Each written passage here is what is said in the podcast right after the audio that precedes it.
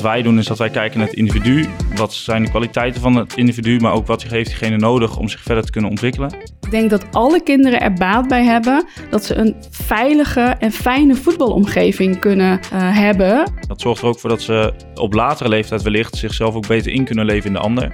Begin klein en uh, gestart is met een gemengde training.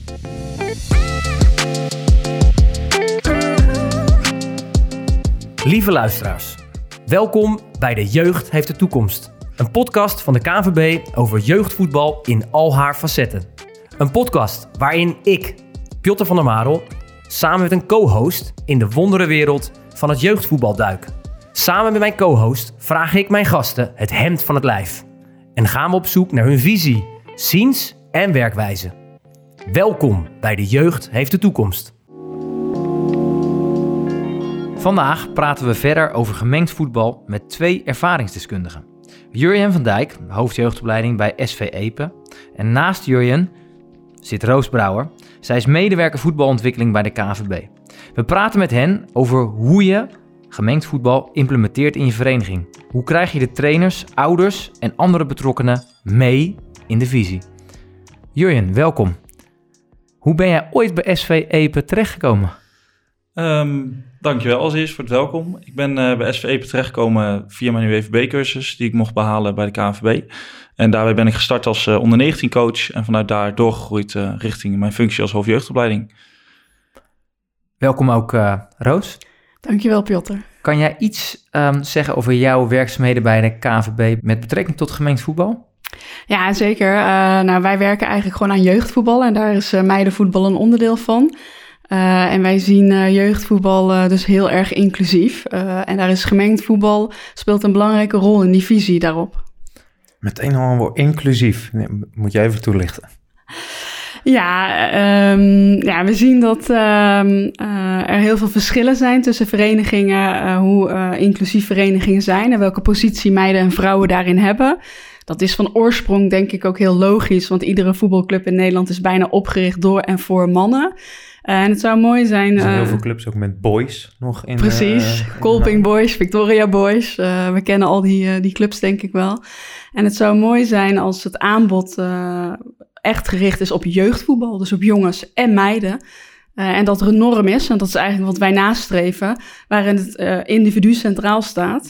dat het niet uitmaakt of je een jongetje of een meisje bent. Of je heel goed kan voetballen op dit moment, of misschien net begonnen bent en nog uh, veel uh, wilt gaan leren, ja, dan is het aan ons met z'n allen om dat ook uh, mogelijk te maken, denk ik, voor kinderen. Geslacht doet er niet toe. Het is normaal om te voetballen, of je nou een jongen bent of een meisje. Precies. Ja. Welkom ook Nick. Ja, dankjewel, Pilter.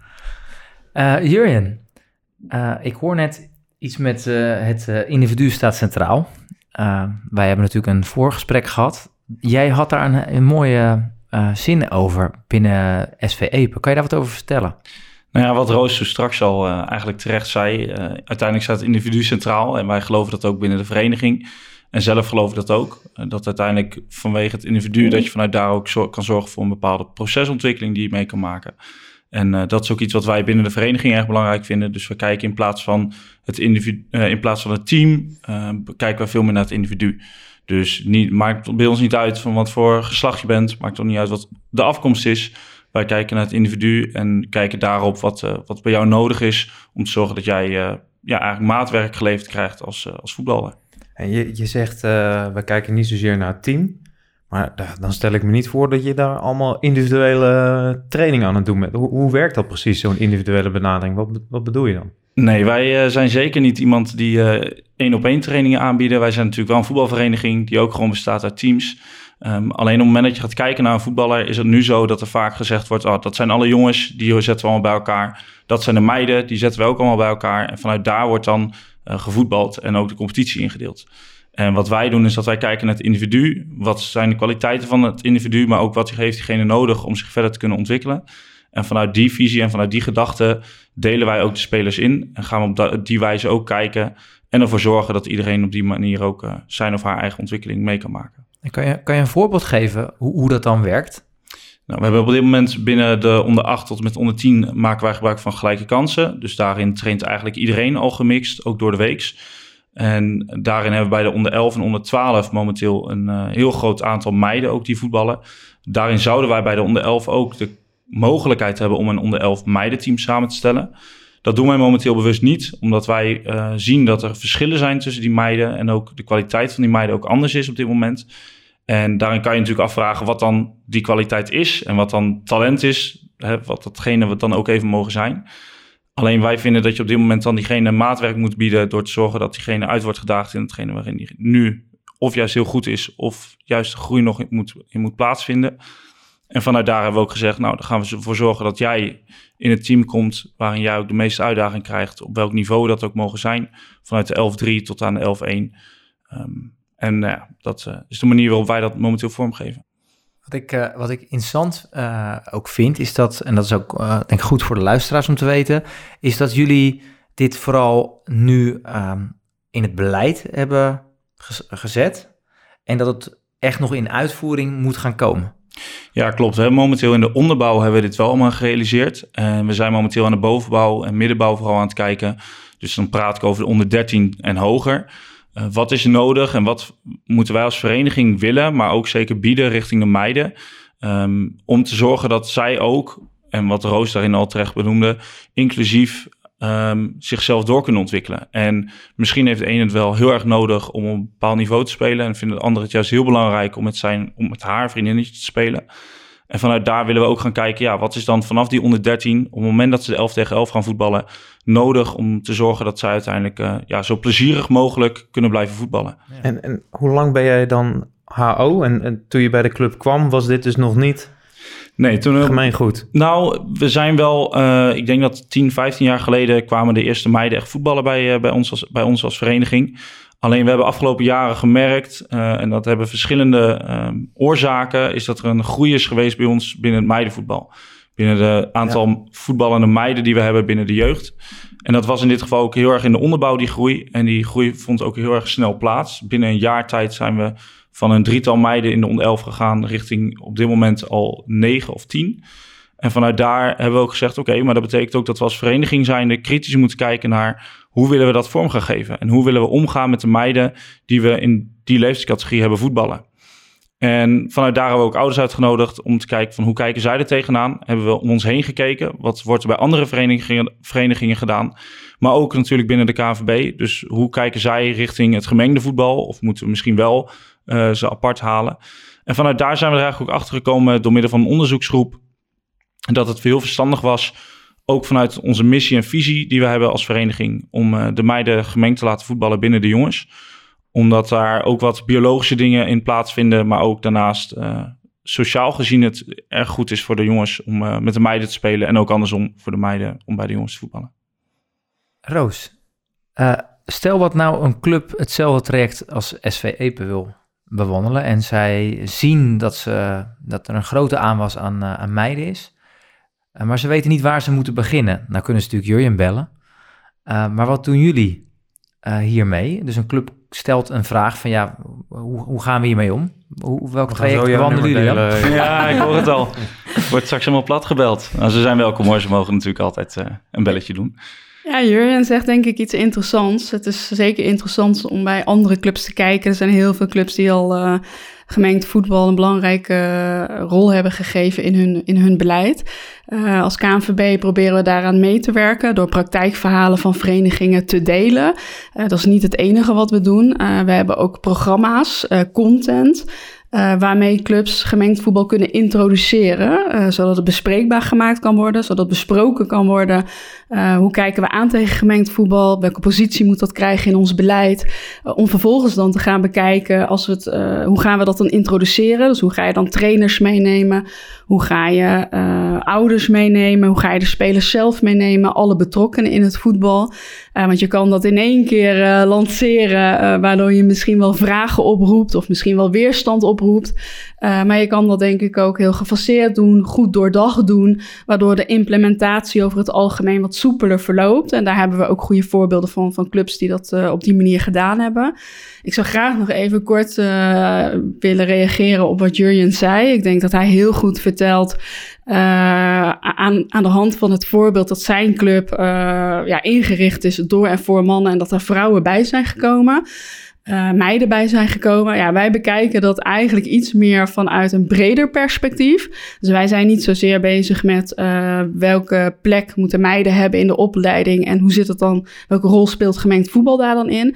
Maar wij zijn meer bezig met uh, dat wij geloven uh, dat diversiteit in je voetbalomgeving ervoor zorgt dat kinderen uh, begrip voor elkaar leren te krijgen uh, en elkaar ook kunnen leren respecteren. En als jongens en meisjes dat kunnen, dan hebben ze de rest van hun leven hebben ze daar denk ik voordeel van, zowel in sport als maatschappelijk. en dat zijn natuurlijk dingen die op voetbalinhoud een rol spelen, maar juist op maatschappelijk, emotioneel, sociaal-emotioneel vlak misschien wel nog belangrijker zijn. Want uh, naast de voetbalontwikkeling vinden we het welzijn van kinderen gewoon heel erg belangrijk.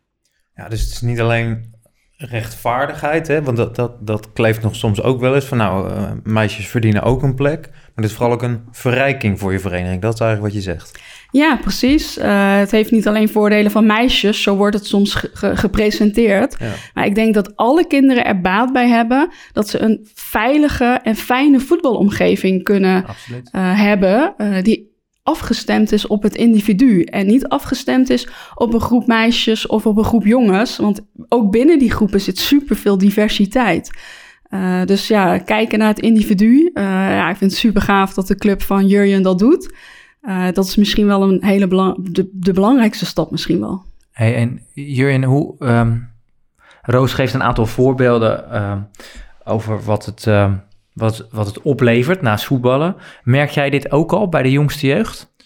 Nou, wat ik nu. In de reacties van kinderen, sorry. Ja, nee, dat, dat zoiets dacht ik al. Um, als ik nu kijk naar wat de meiden momenteel aan reacties geven naar de jongens, maar ook vice versa, dus ook de jongens en de meiden, is in het begin was het wennen uh, voor een aantal toen de twee nieuwe meiden in het team kwamen te voetballen. En nu is het inmiddels echt zo dat ze samen eigenlijk alles doen. Dus ook buiten de voetbal om zie je ze naar de voetbal toe komen. Uh, hoor je vanuit ouders dat ze ook op school meer met elkaar omgaan.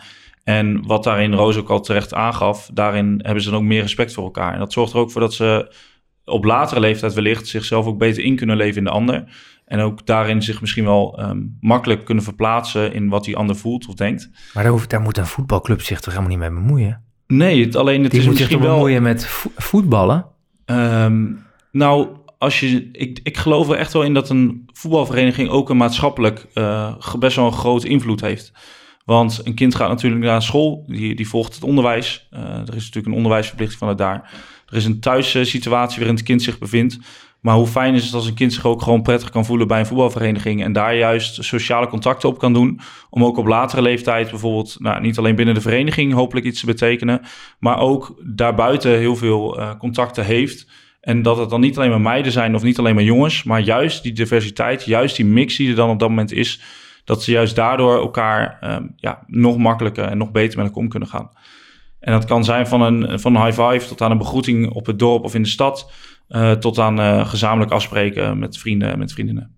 En dan ben jij hoofdopleiding. Misschien is het ja. goed om kort te zeggen wat, wat dat precies is. Dat weet misschien iedere luisteraar. Maar ja. hoe probeer jij dit thema dan ja, jij, ik stel me zo voor dat jij dan met trainers aan de slag gaat. Hoe, hoe pak je dat aan? Ja, klopt. Je hebt echt twee, twee delen. Uh, bij ons heb je echt het bestuurlijk niveau waarop je nou ja, dingen bepaalt. Je, je zet je visie weg, je zet je missie, je waarde weg, je cultuur als vereniging. Vanuit daar hoop je ook draagvlak te creëren om uiteindelijk te zorgen dat het in de praktijk kan worden gebracht. En uh, ja, dat in de praktijk brengen, daar ben ik uh, mede verantwoordelijk voor. Wij hebben een, een ja, voorzitter van de technische commissie. En uh, ik val ook onder de technische commissie en vanuit daar opereer ik en probeer ik juist vertaalslag te maken van hey, wat, datgene wat wij in beleid hebben staan, uh, hoe gaan wij er nou voor zorgen dat dat in de praktijk uiteindelijk naar voren gaat komen? En dat doen wij door middel van scholingsmomenten. Dat kan intern, ook extern zijn. En daarnaast begeleid ik daarin coaches. Dus dan heb ik vooraf een gesprek met een coach van een ongeveer 20 minuten, half uur. En naast de doelstelling vanuit de training en naast de doelstelling vanuit de coach, bespreken we dan ook bijvoorbeeld de omgang met het kind, dus de pedagogische relatie. Hoe ga jij ervoor zorgen dat het kind zich bijvoorbeeld ook prettig voelt bij jou uh, tijdens, het, tijdens je training, uh, maar wellicht ook daarvoor of daarna. Dus hoe ga je om op het moment dat ze de kleedkamer in komen, hoe ga je met ze om op het moment dat jij jezelf op het veld ontvangt. En daarin komen ook bijvoorbeeld gesprekstechnieken naar voren. En op het moment dat er dan wel bijvoorbeeld gesprekken individueel plaats zouden moeten vinden, zorgen wij er altijd voor als vereniging dat er dan een tweede persoon bij is. Ehm, en dan vaak bijvoorbeeld met een deur open in een glazen ruimte. Ehm, en altijd een tafel ertussen. Dus dat er altijd voorwaarden al randzakelijk op orde zijn. Om te zorgen dat dat ook gewoon veilig en goed uh, plaatsvindt. Dus daarin gaat het verder dan alleen maar het aanbieden van een voetbalactiviteit. Maar ook het zorgen dat ze ja, ook goed met kinderen om kunnen gaan. Dus het pedagogische komt erin echt naar voren. En ik geloof ook echt wel dat het een belangrijke voorwaarde is... op het moment dat jij kinderen ook beter wil laten leren. Omdat ik geloof dat op het moment dat jij een relatie met een kind aan kan gaan... dat je vanuit daar ook makkelijker het kind kan leren begrijpen... en vanuit daar ook makkelijker ja, maatwerk kan bieden. En daarin ook, ja, een moeilijk woord, differentiëren. Dus individueel Um, zorgen dat diegene uitgedaagd wordt. Die individuele benadering. Ja. Maar dit, ja, Roos, dit, dit klinkt, uh, Jurjen, die zit hier, die is hartstikke goed onderlegd en, en, en, ja, en opgeleid. Um, maar er zijn misschien ook clubs die geen hoofdopleiding uh, hebben. Zou je die nog steeds adviseren met gemengd voetbal aan de slag te gaan? Ja, zeker. Uh, verenigingen zijn natuurlijk op allerlei uh, verschillende wijzen georganiseerd. Uh, dus er is altijd wel iemand binnen een club die zich verantwoordelijk voelt of verantwoordelijkheid wil nemen voor het welzijn en de ontwikkeling van de kinderen. En of dat nou geformaliseerd is in hoofdopleidingenfunctie, wat ik iedere club aanraad. maar dat kan natuurlijk ook op allerlei andere manieren worden ingericht. Maar hoe, ma hoe want wat dat is, dat is wel interessant voor onze luisteraar, is hoe maak je dat verschil? Want uh, stel, je bent vader, je bent trainer van uh, je, je, dochter. En je ziet op, je, op de club dat je dochter in dat meidenteam komt en dat er verder eigenlijk niks aan gedaan wordt. En je, hebt, uh, je luistert deze podcast. Welke tip kunnen wij ze nu meegeven om een goede start te maken binnen die vereniging? En je, hebt, een, en je hebt een hoofdjeugdopleiding, die heb je ook. Ja. En nou een andere club is geen optie. Nee, toch? Die, die, die sluiten wij. Nee, ik denk dat het heel goed is dat kinderen in hun eigen omgeving uh, voetballen. Uh, ja, soms heb je keuze uit meerdere clubs in de buurt, maar soms heb je geen keuze. Uh, en ik denk dat het heel belangrijk is om dat op de agenda te zetten binnen de club. En te kijken van, hey, zijn er meer mensen die hier tegenaan lopen? En kunnen we dat op de agenda krijgen bij een bestuur, een hoofdopleiding, een coördinator... die zich met iets meer bezighoudt dan alleen de praktijk alleen. Uh, maar die zich ook bezighoudt met het vormen van een visie of het uh, uitdragen van, van beleid bijvoorbeeld. Nou, en ik denk als je een aantal gelijkgestemden kan vinden binnen de club... dat je dat gesprek met elkaar aan kan gaan en dat op de agenda kan zetten. Ik denk dat dat de eerste stap is. Daarbij is het denk ik ook belangrijk om je goed te laten informeren. Uh, wat zijn de mogelijkheden? Wat zijn de voordelen? Wat zijn de nadelen? Uh, en daar ook goed uh, met elkaar over in gesprek te gaan. Nou, ook daarvoor biedt de KNVB allerlei content aan. We hebben bijvoorbeeld een digitaal magazine Gelijke Kansen en Gemengd Voetbal. waarin beschreven staat hoe je dit zou kunnen aanpakken.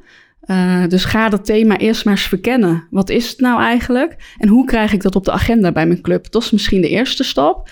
Om vervolgens pas uh, te kijken naar uh, ja, hoe leg ik dat van vast in beleid? Hoe krijg ik draagvlak? hoe zorg ik dat iedereen in de club meegaat met deze ontwikkeling? Als je nou heel klein zou beginnen. Dus, dus je bent echt alleen die trainer en je, je, de, je, je staat er echt alleen voor. Oké, okay, je hebt geen escape je mag niet naar een andere club. Ja, ik denk dat je het heel praktisch moet maken. Um, wat ik vaak merk is dat er heel veel vooroordelen zijn en die kan je wegnemen door dingen in de praktijk te laten zien. Uh, dus wat ik zelf ook in het verleden vaak heb gedaan, is bijvoorbeeld gezegd tegen een collega-trainer die op hetzelfde tijdstip traint met eenzelfde leeftijdsgroep: hey, zullen we eens gemengd gaan trainen of zullen we eens een wedstrijdje tegen elkaar spelen? Jongens en meisjes in dit ja, geval. de jongens ja. en de meisjes, uh, als dat nog gescheiden is bij die club. Uh, daag de omgeving dan maar eens uit om een uh, gemengde training te organiseren of om een gemengd wedstrijdje te organiseren of een keer tegen elkaar te spelen. Want dan zul je zien in de praktijk dat men uh, ook in de praktijk kan ondervinden dat de verschillen helemaal niet zo groot zijn en dat het hartstikke leuk kan gaan als kinderen met en tegen elkaar voetballen, even ongeacht het geslacht. Uh, dus ik zou vooral dat als eerste doen. Uh, de praktijk laat denk ik dagelijks zien dat het bij de pupillen prima uh, mogelijk is om samen te voetballen. Begin klein en gestart is met een gemengde training. Julian?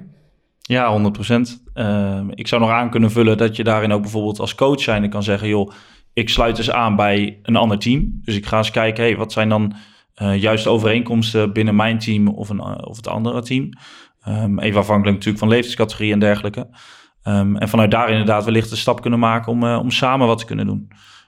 Wat ik interessant vond, net wat jij net vertelde, Jurn, zat in ehm, je, jullie gaan starten met die visie. Maar tegelijkertijd loopt er ook een traject naast om de trainers mee te krijgen en die ook te begeleiden. Want je had het over trainer-trainer. Uh, hebben jullie daar al over nagedacht hoe jullie dat gaan doen? Dus je hebt, jullie gaan dit implementeren.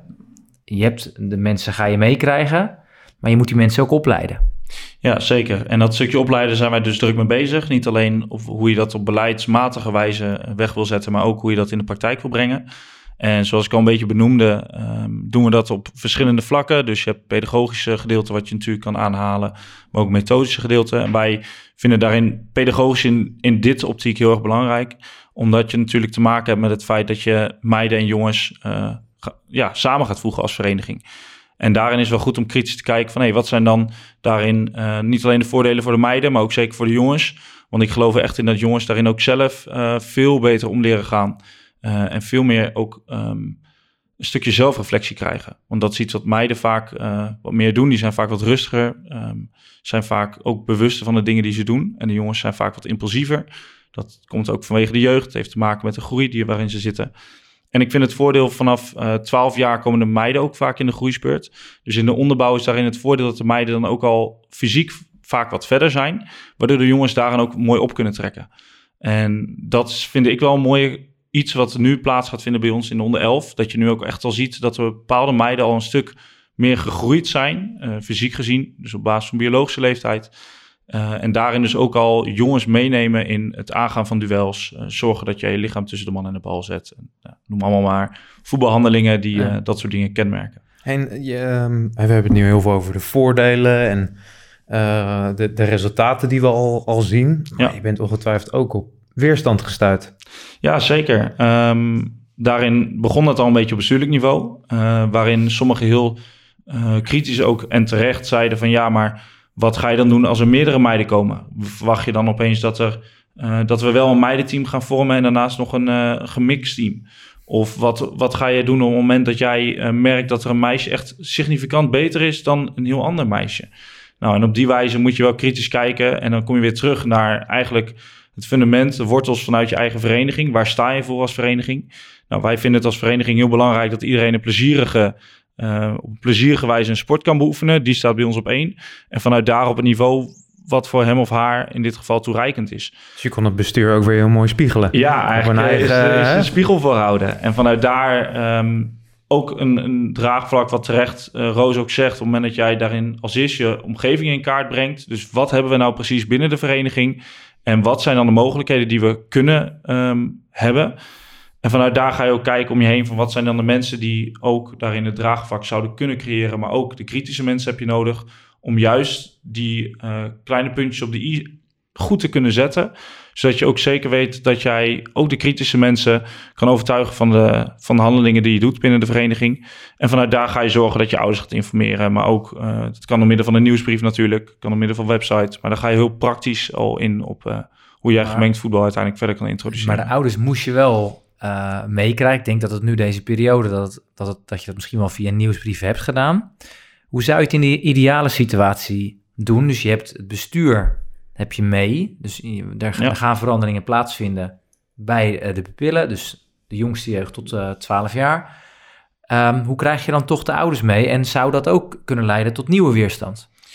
Ik denk dat op het moment dat jij um, aan de voorzijde dat allemaal goed hebt gedekt... en die vragen ook met behulp vanuit de KNVB... maar ook vanuit behulp van andere verenigingen...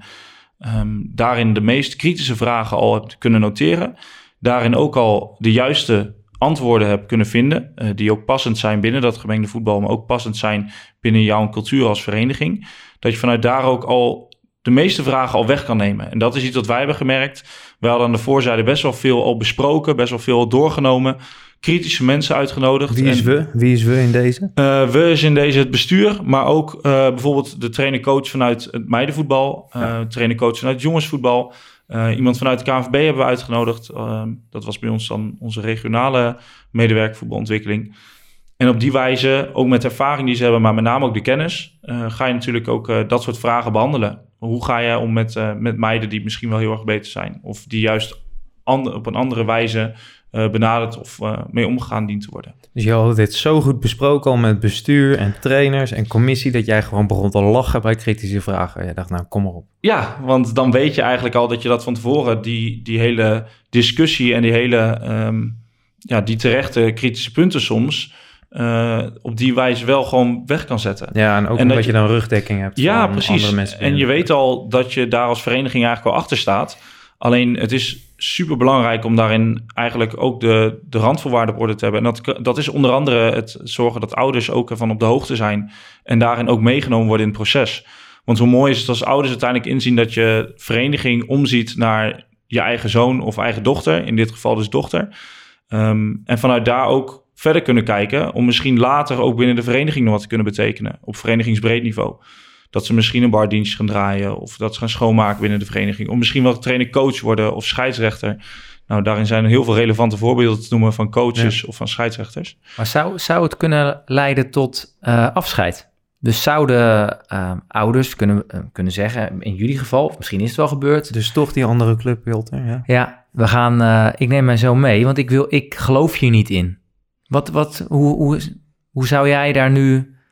Want ik denk dat het in, bij andere clubs best wel zou kunnen voort, voorkomen, dat je dan zegt, nou, dan ga ik wat anders zoeken. En wat doe je dan als club? Dus als er veel ouders zelfs zouden zeggen, ik ga naar een andere club.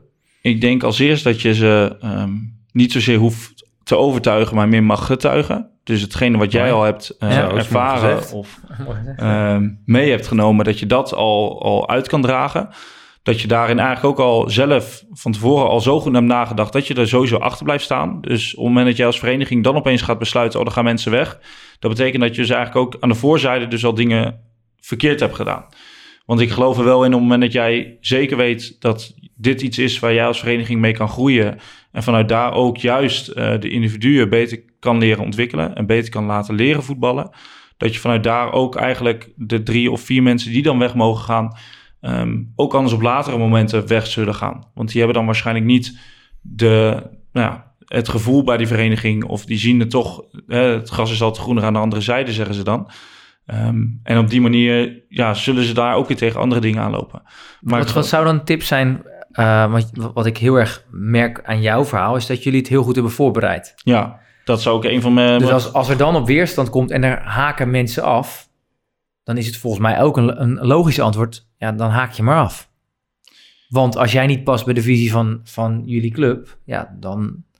Ja, exact. En dat is ook het mooie dat, ik, dat je het uiteindelijk ook bouwt op je eigen fundament als vereniging. Ja, En dat is ook waar de leden uiteindelijk voor kiezen. Die kiezen niet... Nou, die kiezen uiteindelijk voor jou als vereniging zijnde. En misschien ook de mensen die meekomen. Maar ik geloof daar wel in dat je als vereniging zijnde ergens voor staat. mooi. Niet voor jouw visie als hoofdopleiding. Of, Nee, want ook, Ja. ook dat... eh, iedereen is uiteindelijk daarin vroeg of laat een passant. Iedereen heeft ergens een invloed of mening in. Maar ik denk dat daarin juist het centraal stellen van de vereniging... en de cultuur die binnen die vereniging heerst... het centraal stellen daarvan is misschien wel het belangrijkste. Want dan weet je dat de kans op continuering van dat hele proces... en continuering in dit geval van het gemengde voetbal... ook veel groter zal zijn.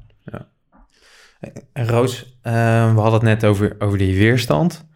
Ja, daar, daar liggen vaak aannames, vooroordelen aan ten grondslag. Wat zijn die precies? Wat Ja. kom jij tegen? Ja, je, Nick, je praat dan eigenlijk over traditionele denkbeelden. Eh, die zijn gelukkig veranderlijk. Eh, dat heeft eh, de laatste tijd natuurlijk ook wel bewezen. Hè? De generatie voor mij, die mocht niet voetballen. Dat was verboden. Uh, mochten niet eens KNVB-lid worden bijvoorbeeld. Mijn generatie mocht wel voetballen. Uh, maar onze werd, werd, natuurlijk wel verteld dat voetballen niet voor meisjes was en dat meisjes het ook niet konden. En nu is het tegenwoordig heel erg geaccepteerd dat meisjes voetballen. Uh, maar nog steeds hebben we ze wel te maken met uh, vooroordelen. Bijvoorbeeld ja, dat gemengd voetbal alleen maar voor de talentvolle meisjes is. Dat meisjes uh, meer voor de gezelligheid voetballen. Dat meisjes niet ambitieus zijn. Dat ze alleen maar kletsen. Uh, dat jongens hard zijn en dat ze wild zijn. En dat het dus niet samengaat met elkaar. Nou, ik denk... Krijgen jullie dan nog veel van dit soort reacties? Ja, best wel veel. Um, en, ik kan me hier dus zelf nu helemaal niks meer bij voorstellen. Bij dit nee. soort opmerkingen. Nee, ik ook niet. Ik heb zelf bijna mijn hele leven gemengd gevoetbald. Dus ja, ik heb het nooit uh, zo ervaren. Um, nou, dat is denk ik ook wel, wel heel persoonlijk. Maar het heeft ook te maken met hoe jou, jouw omgeving jou beïnvloedt. Uh, als jou continu verteld wordt uh, dat die verschillen er zijn, dan ga je dat denk ik zelf ook geloven. Uh, en in de praktijk zie je gewoon dat er veel meer overeenkomsten zijn dan die verschillen. Ja. En dat die overeenkomsten eigenlijk ervoor zorgen dat die verschillen juist interessant zijn, waardoor kinderen van elkaar kunnen leren. Maar is dit dan, sorry dat ik je onderbreek, is dit dan ook wat een vereniging of ook de KNVB doet? Hè? Want ik zit dan te denken, kun je beter die vooroordelen wegnemen, hè? een soort van aanvallen? Of juist, uh, je kunt ook de positieve kant Ja. ervan benadrukken. Beide kan ook, maar Ja. wat... Nou het gaat vooral om bewustwording van beide. Uh, want ook uh, uiteraard, je kunt kiezen voor homogeniteit en voor diversiteit. Oh, even uitleggen. Ja, nou, homogeniteit is dat een, een team uh, ongeveer hetzelfde eruit ziet in leeftijd, in kleur, in geslacht. In afkomst, in, nou, je kan van alles bedenken. En diversiteit is dat er juist veel verschil is. Uh, en beide heeft voor- en nadelen. En ik denk dat het dus heel belangrijk is dat nagedacht wordt over hoe om te gaan met homogeniteit en diversiteit binnen een vereniging. Nou, wij als KNVB hebben gezegd dat we heel erg geloven in die diversiteit. Dat dat heel veel oplevert in, nou, wat ik al zei, begrip en respect voor elkaar maatschappelijk gezien. Maar ook met betrekking tot de voetbalontwikkeling, dat het uh, veel waarde heeft. Uh, en daar sturen wij dus op, zeker tot en met onder 12, de pupillen dus. Dat zou wat ons betreft gewoon de norm moeten zijn. Nou en daarna uh, ontstaan er natuurlijk wel degelijk verschillen tussen jongens en meisjes, fysiek, op basis dat jongens geslachtshormoon testosteron ontwikkelen. Uh, die er misschien, misschien voor kan zorgen dat het logischer wordt dat meiden een keer voor gaan kiezen om alleen met meiden te voetballen. Ja. Uh, en dat zal niet voor alle meiden zo zijn, want tegenwoordig mag je in alle leeftijdscategorieën gemengd voetballen. Er zijn ook steeds meer meiden die dat doen. We hebben vorig jaar actief gecommuniceerd uh, en besloten dat ook bij de senioren gemengd gevoetbald mag worden. Nou, die, uh, en dat gebeurt ook? Toch? Ja, dat is echt. heel veel vrouwen zijn dat gaan doen in vergelijking met voordat wij daar dus actief over maar even om het concreet te maken, dat betekent dus dat een vrouw tegenwoordig in de derde klasse senioren daar in het eerste elftal kan spelen, toch? Ja, precies. Dat, hoe, uh, dat hoe betekent is dat, het. Hoe, hoe, is dit, hoe is dit geland? Want dit is toch wel ook wel... Hoe lang is dit geleden? Uh, vanaf dit seizoen uh, mogen ook vrouwen in de A-categorie uh, gemengd voetballen bij de senioren. En is dit al, is dit al gaande ja. voor de luisteraars? En Ja. zijn er aantallen eh, bekend? Ja, zeker. Uh, dat waren voor dit jaar dus nul meiden. We hebben een pilot gedaan met uh, Elle Fokkema. Uh, wel bekend, denk ik, inmiddels in, in Nederland als het gaat om gemengd seniorenvoetbal. inmiddels zijn het, zegt even uit mijn hoofd, volgens mij acht vrouwen die het in de A-categorie doen. En er zijn er, nou zeg ik even uit mijn hoofd, ongeveer 165 uh, die dat in de B-categorie doen. Uh, en dat is een enorme toename, want het gebeurde al wel en in de B-categorie mocht het ook al wel.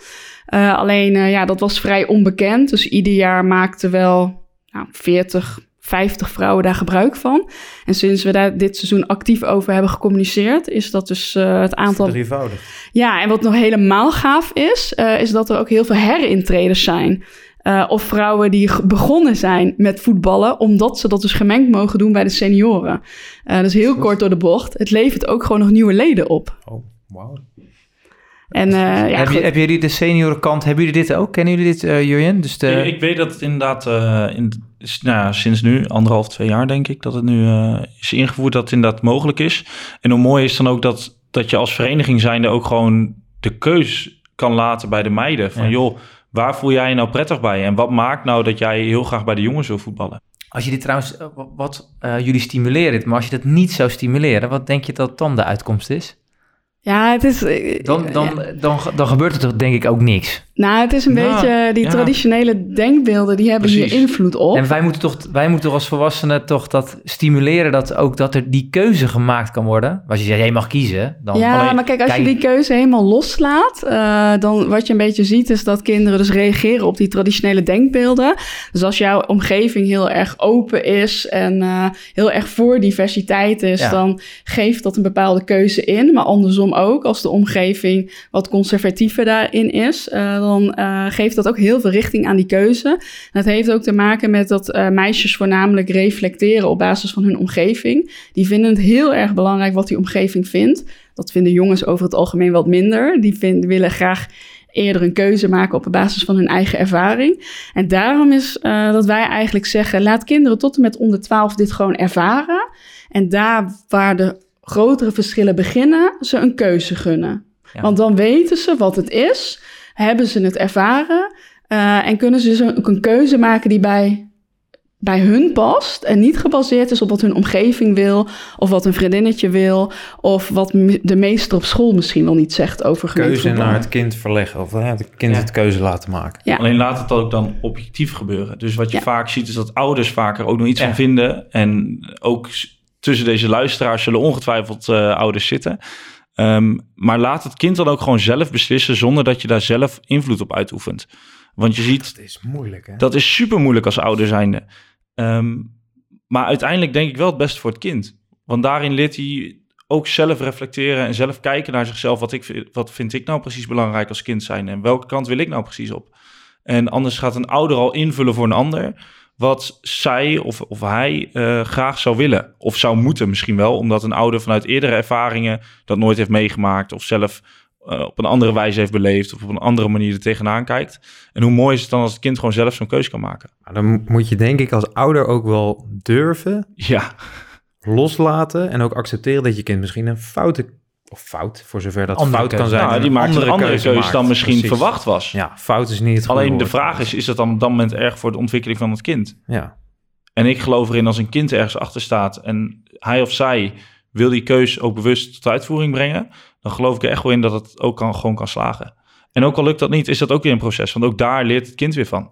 Alleen als ouders of de omgeving, als je hem in een grotere context bekijkt, dat allemaal gaat beslissen voor het kind, wie is dan het kind uiteindelijk op 20 of 30-jarige leeftijd? Is het dan iemand omdat de maatschappij dat zo heeft bedacht of vond, of is het iemand die zelf de keuzes heeft gemaakt en vanuit daar ook de keuzes kan beredeneren?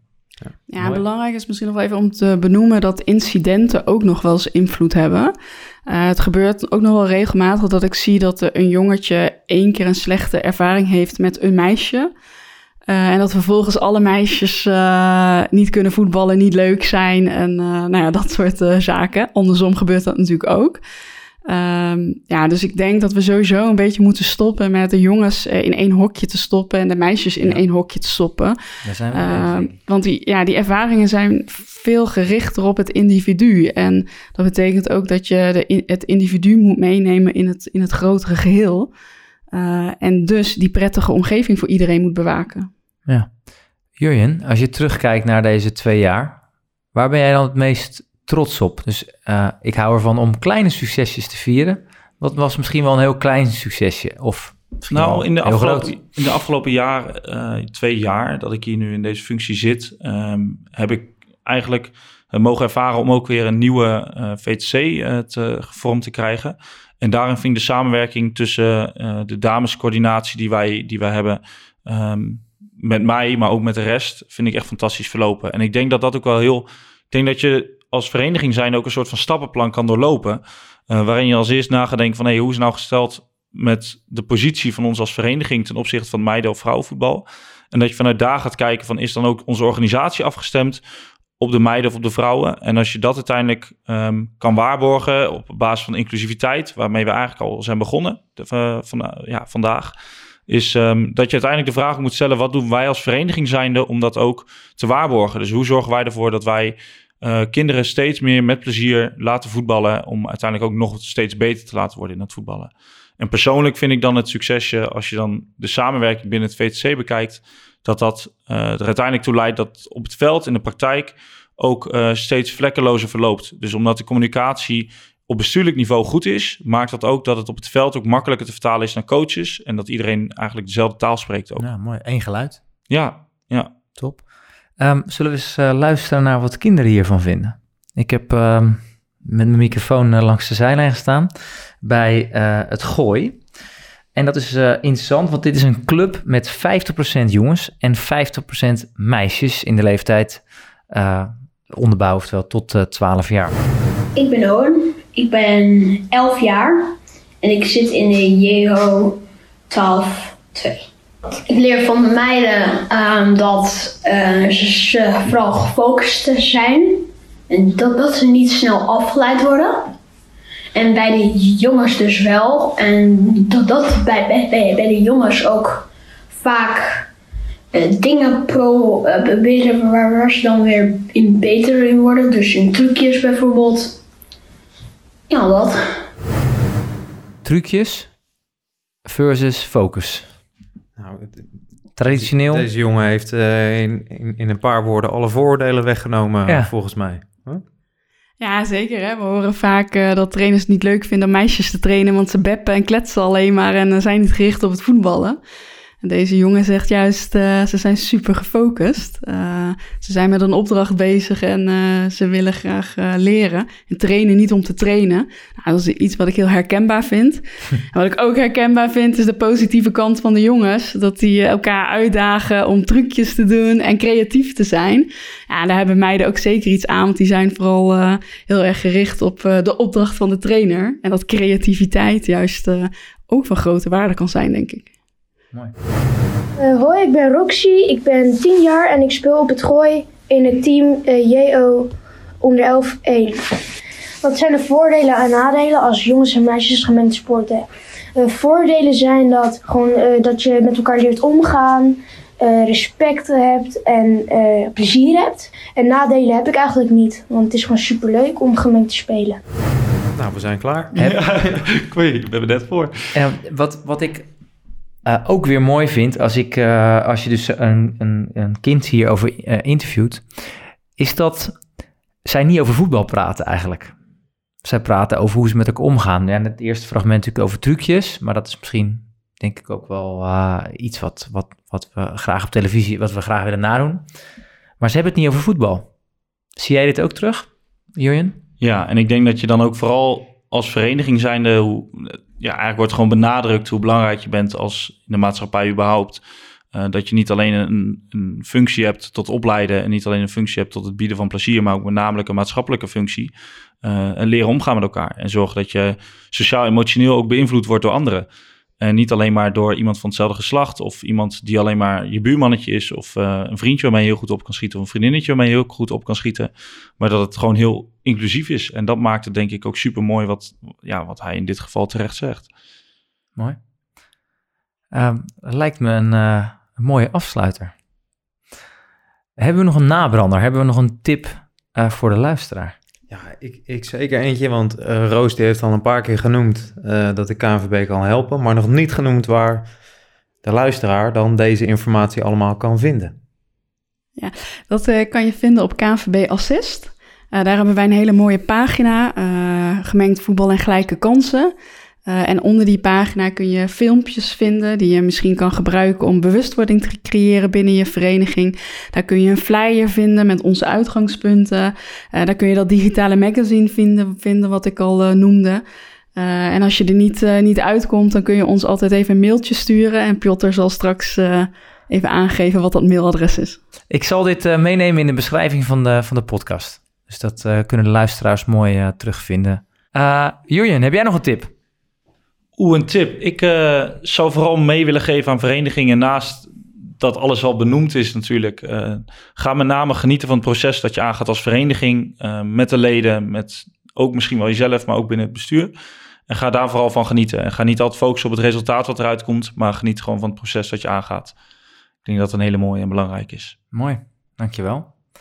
Nick? Ja, wat, wat ik wel leer is ehm, mobiliseer of verzamel mensen in je club waar je dit gesprek mee aan kunt gaan. Dus begin daarmee. Ja. Dat, dat, eh, dat haal ik hier wel uit. En niet Ja, alleen zeker. bestuur, maar misschien ook vind je andere ouders of andere trainers. Eh, kijk om je heen en begin dat gesprek te voeren. En dan wordt dat olievlekje wordt vanzelf eh, groter. Ja, en durf daarin dus ook andere verenig- verenigingen te, bena- te benaderen. Ja, ik denk dat we dat eh, in, misschien in voetballandschap te weinig doen. Want j- jij hebt nu alweer een wiel uitgevonden. En er zijn andere clubs die kunnen dat heel Oh. goed mooi, eh, mooi afkijken bij jou. We moeten toch zijn nummer gaan delen. hè? Ja. Kijk, ja. Eh, luisteraars, ik wil jullie bedanken ehm, voor het luisteren. En eh Jurjen en Roos, dankjewel voor jullie komst. Nick, dankjewel. Jij de ook. volgende keer. Tot de volgende. Beste luisteraars, Bedankt voor het luisteren naar deze aflevering van De Jeugd heeft de toekomst. Kijk vooral ook eens naar de andere producties op ons kanaal. In de show notes vind je de verwijzingen uit deze podcast. Wat neem jij mee naar je eigen voetbalsituatie? Wat zou jij totaal anders doen? En hebben we je stof tot nadenken gegeven? Heb je misschien nog vragen of opmerkingen? We zijn bij de KVB altijd op zoek naar nieuwe inzichten of thema's die spelen rond jouw club. Laat het ons weten en mail dit naar voetbalontwikkeling.kvb.nl